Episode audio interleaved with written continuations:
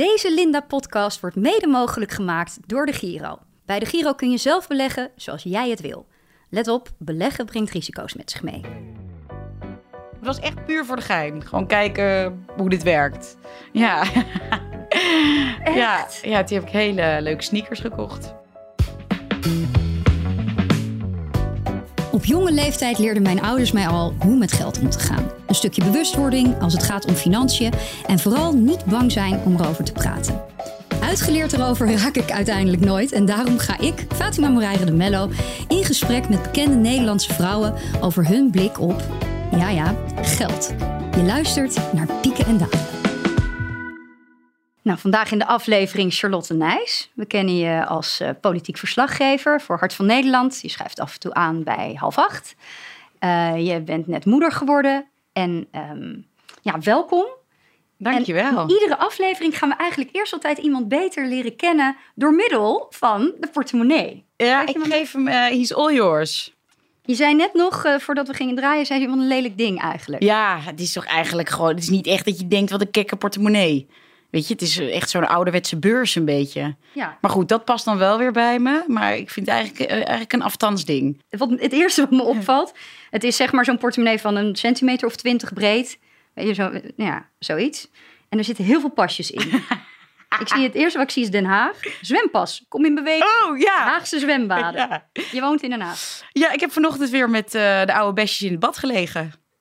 Ja, dus ik ga nu twee keer in de week... Ik probeer een beetje sterk te worden. We gaan op reis naar Patagonië. En dan gaan we hiken. En dan neem ik mijn baby op de rug. Eh, die is bijna 9 kilo. Dus ik dacht, ik moet een beetje sterker worden. Dus eh, nu lig ik in het bad. Twee ochtenden in de week. Maar dat zitten dus alleen maar bejaarden. En ik dan, ja. En volgens mij ben je heel sportief, want ik zie hier een pasje van Jaap Ede, de ijsbaan. Ja, och, wat goed dat je die ook nog erin hebt. Wat erg, die heb ik helemaal niet eruit gehaald. Ja, de- ik ging altijd schaatsen bij de Jaap Ede. Maar goed, nu woon ik in Den Haag, dus dat, eh, dat zit er niet meer in. Nee, sterker nog, de laatste keer dat ik op de Jaap Edebaan was, eh, had ik een date. Dat was heel ongemakkelijk, dus dat is echt al een tijd geleden. Ehm, het was zo ongemakkelijk. Ik krijg nu helemaal een flashback ervan. Toen was ik aan het daten en toen ging zo'n jongen, we gingen helemaal zo klungelig. Het was een Brit en die vond het helemaal mooi om te schaatsen. En toen was hij aan het oefenen, dus ik ging hem helpen met eh, pootje over. Dus ging hij zo aan mij hangen en zo in de bocht, zo pootje over, heel romantisch, dat ik hem zo door de bocht slingerde. En toen bleek, dus de volgende dag moest ik Wopke Hoekstra interviewen. En die had mij toen gezien op die ijsbaan. Zei, was je gisteravond op de Jaap Ede? Ik zei, oh mijn god, je niet. Hij houdt dus echt van schaatsen, Wopke. Ja, ja, ja. Hij, hij zei, ik heb er bijna nooit meer tijd voor, maar gisteren kon ik weer even. En dan zal je net zien, die ene keer dat hij waarschijnlijk wel kon, Ja. stond ik daar met die klungelige date. Je hebt veel geld in je portemonnee, zie ik. Ja, ja. Vijf euro? bitch. Ja, zeker. Ja. En, maar wel heel veel bankpasjes. Ja, Of niet? eh, ja dat komt. eh, ik heb... eh, ik ben zo van de oude stempel dat ik niet Apple Pay op mijn telefoon heb. Dus ik moet echt overal nog naartoe eh, met mijn bankpasjes. Ik ook niet hoor, moet ik heel eerlijk zeggen. Ik vind, dat, Eh. vind je dat van de oude stempel? Ik vind dat niet zo van de... Ik oh, nou iedereen pasjes- verklaart me echt altijd voor gek als ik Oh ja? loop met die, eh, met die pinpas. En ik zie een hele lieve foto. Ja, dat is met mijn zoontje. Ja, ik hou heel erg van pasfoto's nog. Ook een beetje dat ouderwetse. Ik vind dat zo leuk. Vroeger had je toch allemaal pasfoto's in je portemonnee? Ja. Nou, dat doet niemand nu meer. Dat vind ik echt jammer. Bedankt ik even in je portemonnee mocht kijken. Tuurlijk. Je hebt een hoop rommel overgeslagen, dat scheelt. Ja, er zaten ook, sorry, er zaten nog heel veel bonnetjes in. En ik heb daar niet naar gekeken. Dankjewel Toch een beetje daarvoor. Want ik heb er ook niet naar gekeken. Oké, laten we het dan ook maar even over geld hebben. Oké.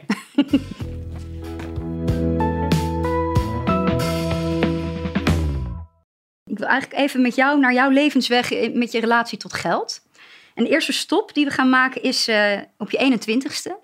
Ik weet niet of jou het nog is bijgebleven. Toen kreeg jij je eerste salaris. Klopt. Was dat een mijlpaal voor jou? Ja, dat is toch niet normaal? Ik vind dat wel. Dan, dan ben je echt, dat is echt de grown-up life. Dan heb je het echt gemaakt. Want je werkte toen bij BNN. Ik was daar ehm, webredacteur. Dat was toen der tijd nog een soort van.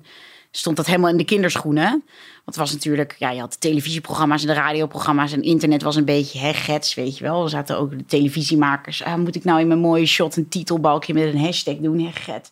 Of die 13 jaar geleden ongeveer. Ja, daarom. En wat heb je daarmee gedaan? Met je eerste salaris? Eh, ik heb mijn ouders mee uit eten genomen. Naar de pizzeria. Vond ik een hele stoere actie om ze te bedanken voor alles wat ze voor me hadden gedaan. En dat vond ik wel heel volwassen dat ik dat kon doen. Hè? Je ouders betalen alles voor je, je hele jeugd en die nemen jou mee uit eten. En nu kon ik mijn ouders mee uit eten nemen. En lieten ze je ook echt betalen? Ja, ze waren hartstikke trots. Ja? Ja, ze vonden het heel leuk dat ik dat zo wilde doen.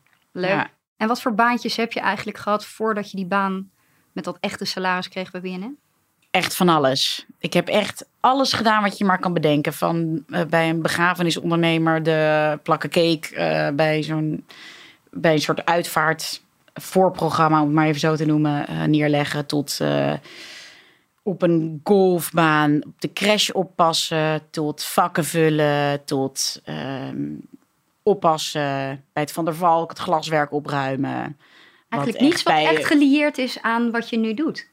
Of wel? Niks waar dat je dacht, ik ga al bij een, eh, weet ik veel, lokale een krant- suffertje Ja, iets, ja. Nee, Stukje nee. schrijven of zo. of, Nee, eh, klopt. Ik was echt opnemen. gewoon eh, bezig met geld verdienen zodat ik op vakantie kon. En toen was ik nog niet bezig met ik wil later journalist worden. Dus ik moet nu al me daar in de baantjes gaan zoeken. Maar werd dat van huis uit gepusht dan of zo? Nou ja, op een gegeven moment wel. Weet je, als ik dan...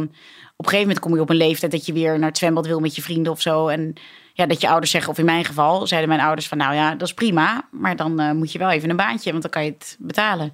Hè, we gaan niet meer weer iedere keer jou, eh, weet ik veel hoeveel het kostte toen, helemaal niks. Maar als je ook nog een patatje daar wil eten, ja, ga maar werken. Dus dat ben ik gaan doen. Sommige van die baantjes eh, betaalden ook best aardig. En wat verdiende dan goed? Welk baantje? Ja, het klinkt een beetje luguber, maar bij die begrafenisondernemer. Ik denk omdat veel mensen dat misschien moeilijk vonden, of het, het was ook best wel zwaar. Maar eh, als in emotioneel, niet fysiek. En de persoon lag ook altijd opgebaard daar. Dus daar moet je wel tegen kunnen. Dus ik denk dat hij gewoon weinig mensen kon vinden. Dat het daarom redelijk lucratief was. En ik vond het ja, eigenlijk wel prima om te doen. En Ja. daardoor, wat deed je dan met die, eh, met die centjes? Eh, op reis gaan. En mijn studententijd gewoon de kroeg ook kunnen betalen. Ja, heel slim. ja. Nou, dan gaan we even door naar het nu. Eh, je bent nu politiek verslaggever. Ben je blij met hoe je er nu financieel bij zit?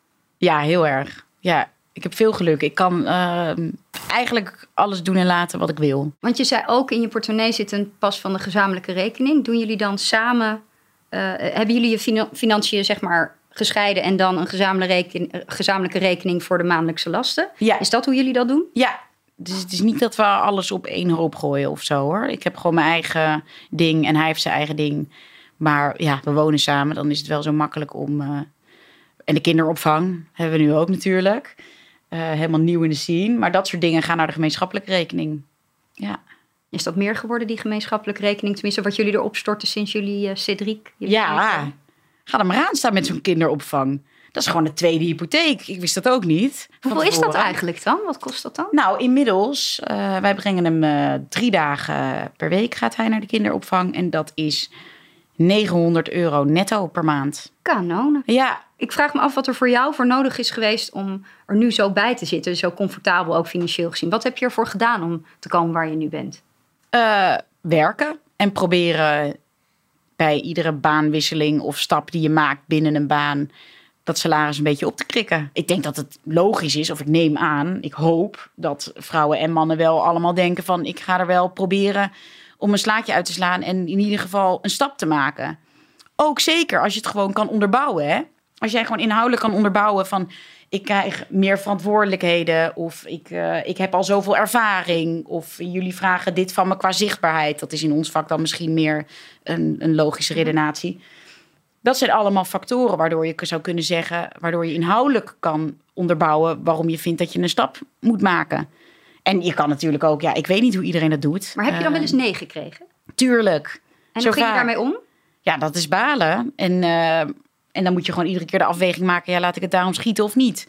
Of ga ik er dan nog een keer over door? Of denk ik gewoon, nou, nu is het een investering in mezelf en dat betaalt zich later wel uit. Dat kan ook.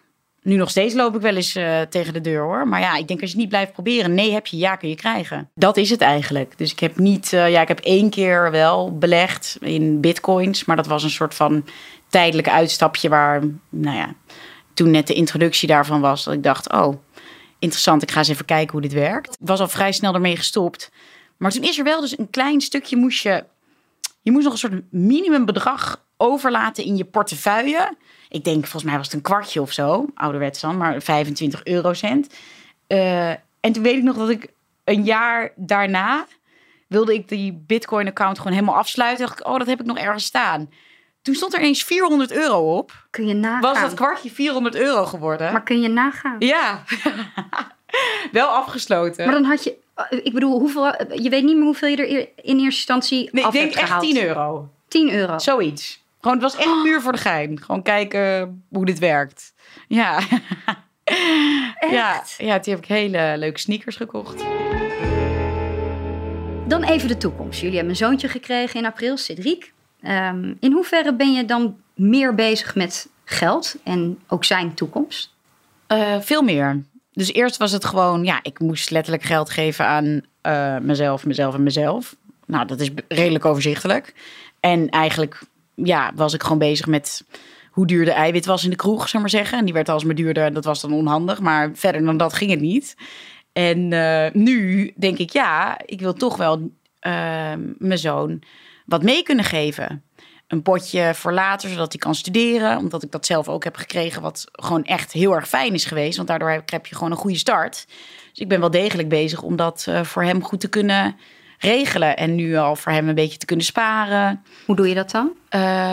nou, ik zet gewoon ja, ja, ik probeer uh, dus van die gemeenschappelijke rekening, daar zetten we een deeltje op wat een spaarpotje zou kunnen zijn voor hem. Oké, okay, maar, maar, maar je hebt dus geld op de spaarrekening, uh, of uh, iets van een spaarpotje maak je, maar ja. ben je dan ook meer bezig met beleggen dan nu? Ik bedoel. Ja, ik wil daar graag instappen, maar ik vind het nog te lastig. Wat ik zei, ik heb dat rare uitstapje even naar de bitcoin gemaakt, maar verder niet. Kijk, ik weet natuurlijk uh, het probleem op je spaarrekening is, dat levert precies niks op. Uh, sterker nog, ik hoop dat de rente niet negatief gaat worden. Maar die is in ieder geval nagenoeg nul nu. Maar ik zou wel willen beleggen, maar ik weet gewoon niet waar ik moet beginnen.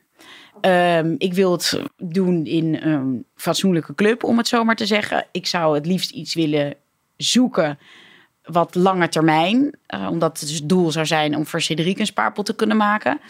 En wat ik ook heb begrepen is dat het, weet je, wat je eigenlijk met die bitcoins hebt gedaan, met een heel laag bedrag kun je eigenlijk spelenderwijs een beetje leren hoe, ja, hoe dat gaat en wat het doet. Dus dat, en dan is het best wel laagdrempelig ook. Ja, dat is Want je hoeft natuurlijk niet per se meteen de hele spaarpot van je zoon erin te gooien. Nee. Dat lijkt me ook niet verstandig. Ja, dat precies. Dat dacht ik ook met die bitcoins. Nou, dat heb ik even meegemaakt. Maar dat wil ik dus nu ook met beleggen wel gaan proberen. En dan het liefst gewoon iets wat steady op de lange termijn is, waar je dus niet iedere dag naar hoeft te kijken. Want ik Oh, werd ook zo. helemaal zenuwachtig van dat volatiele op zo'n app, dat je de hele dag daarmee moet spelen en mee bezig moet zijn. Ik heb gewoon het liefst iets, ik zet ergens iets neer, al is het maar een klein bedragje. En ik weet gewoon, als die jongen, die gaat, eh, als die jongen gaat studeren, dan is dat in ieder geval iets van een potje geworden. Ja, ja. Dus, dus eh, ge- geen maar dan wins. ook, Ja. precies, maar dan ook in een, eh, in een bedrijf waarvan je denkt, die doen er iets goeds mee. Ja. Dus niet. Nou, ik, kijk, ik, kan, nu- ik heb al dingen geleerd, merk ik tijdens het opnemen van deze podcast. Want Milou Brandt zei dus dat je ETF's,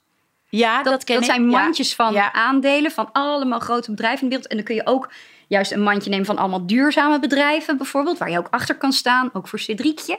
Weet je, wel, dus dan, ik, heb, ik merk dat ik toch al dingen heb geleerd. Oh, mooi. Ja. Kijk, ik heb weer wat te doen vanavond. Dankjewel. Ja. Iedere aflevering bel ik eventjes met geldcoach Hanneke van Onna. En ehm, ik heb haar deze keer eh, naar advies gevraagd over iets wat wij allebei nog goed kunnen gebruiken. Namelijk advies over beleggen. Ja, Hanneke, we gaan het eh, hebben over beleggen met je. Oké, wanneer moet je eigenlijk gaan beginnen met beleggen, vind jij? Eh, wij vrouwen kennen gewoon nog niet zo heel veel rolmodellen. Gelukkig wel eh, steeds meer. Eh, maar denken toch nog van ja, dat beleggen dat gaat over gladde beursjongens op de vloer. Of dat zijn mannen in grijze pakken. Met, Heel veel geld voor hebben al. ja, met, met, met gouden klokjes en zo. Nou, als ik, als ik wil investeren of wil beleggen, dan moet je dan heel veel geld voor hebben. Wat natuurlijk helemaal niet zo is. Of je moet er heel erg slim voor zijn. Want hè, vrouwen, wij zien dan meteen eh, allemaal cijfertjes en van die grote schermen eh, voor ons eh, die je moet gaan gebruiken. En nee, is ook niet zo. Of dat je hoort, ja, ik ben er te jong voor, hoor ik ook vaak. Nou, wat de grootst mogelijke onzin is. Want juist als je jong bent, heb je nog heel erg lang de tijd om je geld te laten renderen. Dus start vandaag, zou ik zeggen. Maar ook hoor van, nou, daar ben ik nou te oud voor. Dat zal voor mij niet meer opleveren. Wat ook onzin is. Nou, het is dus niet moeilijk. Het, eh, je hoeft daar niet goed voor in wiskunde te zijn. En je hoeft ook niet veel geld te hebben om te beginnen met beleggen. Want tegenwoordig kun je met uh, ja, 5 of 10 euro per dag, of misschien zelfs per week of per maand beginnen. En dat zal mijn uh, devies, of dat is mijn devies toch wel. Wil je starten met beleggen? Begin ergens met een heel klein bedrag. Maak vandaag een Bitcoin-rekening aan. Dat is zo simpel. En stort daar eens een tientje in en kijk wat er gebeurt. Kijk eens hoe dat voelt. Uh, je kunt bijvoorbeeld bij de Giro, kun je met, met een tientje uh, je eerste aandelen of je aandelenpakket kopen. Doe dat. Dus het is zo dat beleggen veel toegankelijker is geworden voor particulieren, voor de gewone mens, zoals jij en ik. En doe jij het ook dan, beleggen? Ik doe het ook. En hoe doe je dat dan? Ja, absoluut. Ik beleg uh, sowieso in heel veel verschillende dingen. Ik investeer in heel veel verschillende dingen, want spreiden is wel het devies. Niet als je begint met een tientje of met 100 euro, dan is dat nog niet zo heel belangrijk. Maar als je gaat beleggen, kan je je geld kwijtraken. Dat weten we. Aan de andere kant kun je natuurlijk ook geld ermee verdienen. Um, maar om dat risico wat te minimaliseren, is het belangrijk dat je een goede spreiding hebt. Beginnen vandaag met een klein bedrag. En um, als we het allemaal niet meer weten, dan bellen we jou gewoon weer, Hanneke. Deze podcastserie is in samenwerking met de Giro. En wie de Giro zegt, zegt beleggen.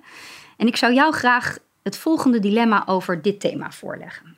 Een risicovolle belegging doen, die in het beste geval heel veel op kan leveren. Dus zeg je gooit er 10.000 in en het kan echt een miljoen opleveren eventueel. Of een relatief veilige belegging. Dus die 10k die stop je in een veilige belegging. Maar daar kan je waarschijnlijk nooit veel winst uit halen. Dus uh, aan het eind als uh, Cedric uh, 18 is, dan is het 12.000 waard. Maar wel safe. Ja, de laatste. Ja. Oh, dat was heel makkelijk voor je. Ja. Dit was geen dilemma. Nee, want ja, straks verspil ik dan zijn studentenpotje. Dat wil ik niet hebben. Ik wil gewoon sowieso dat wat ik erin stop. In dit geval, hè. Kijk, als het nou voor mezelf was en uh, ik kan het missen. En ik denk, oeh, spannend. Laten we dit uitproberen. Maar nu ben ik een grote volwassen meid geworden. en uh, doe ik dat niet meer. Grappig. Dus vroeger tot dus nog een jaar geleden had ik waarschijnlijk de, de spannende weg gekozen, maar nu doe ik de veilige weg. Superleuk dat je er was, Charlotte. Uh, bedankt voor je openhartigheid. Ja, dank voor het leuke gesprek. Ja, graag gedaan. En voor de luisteraars, heel veel dank voor het luisteren naar Pieken en Dalen.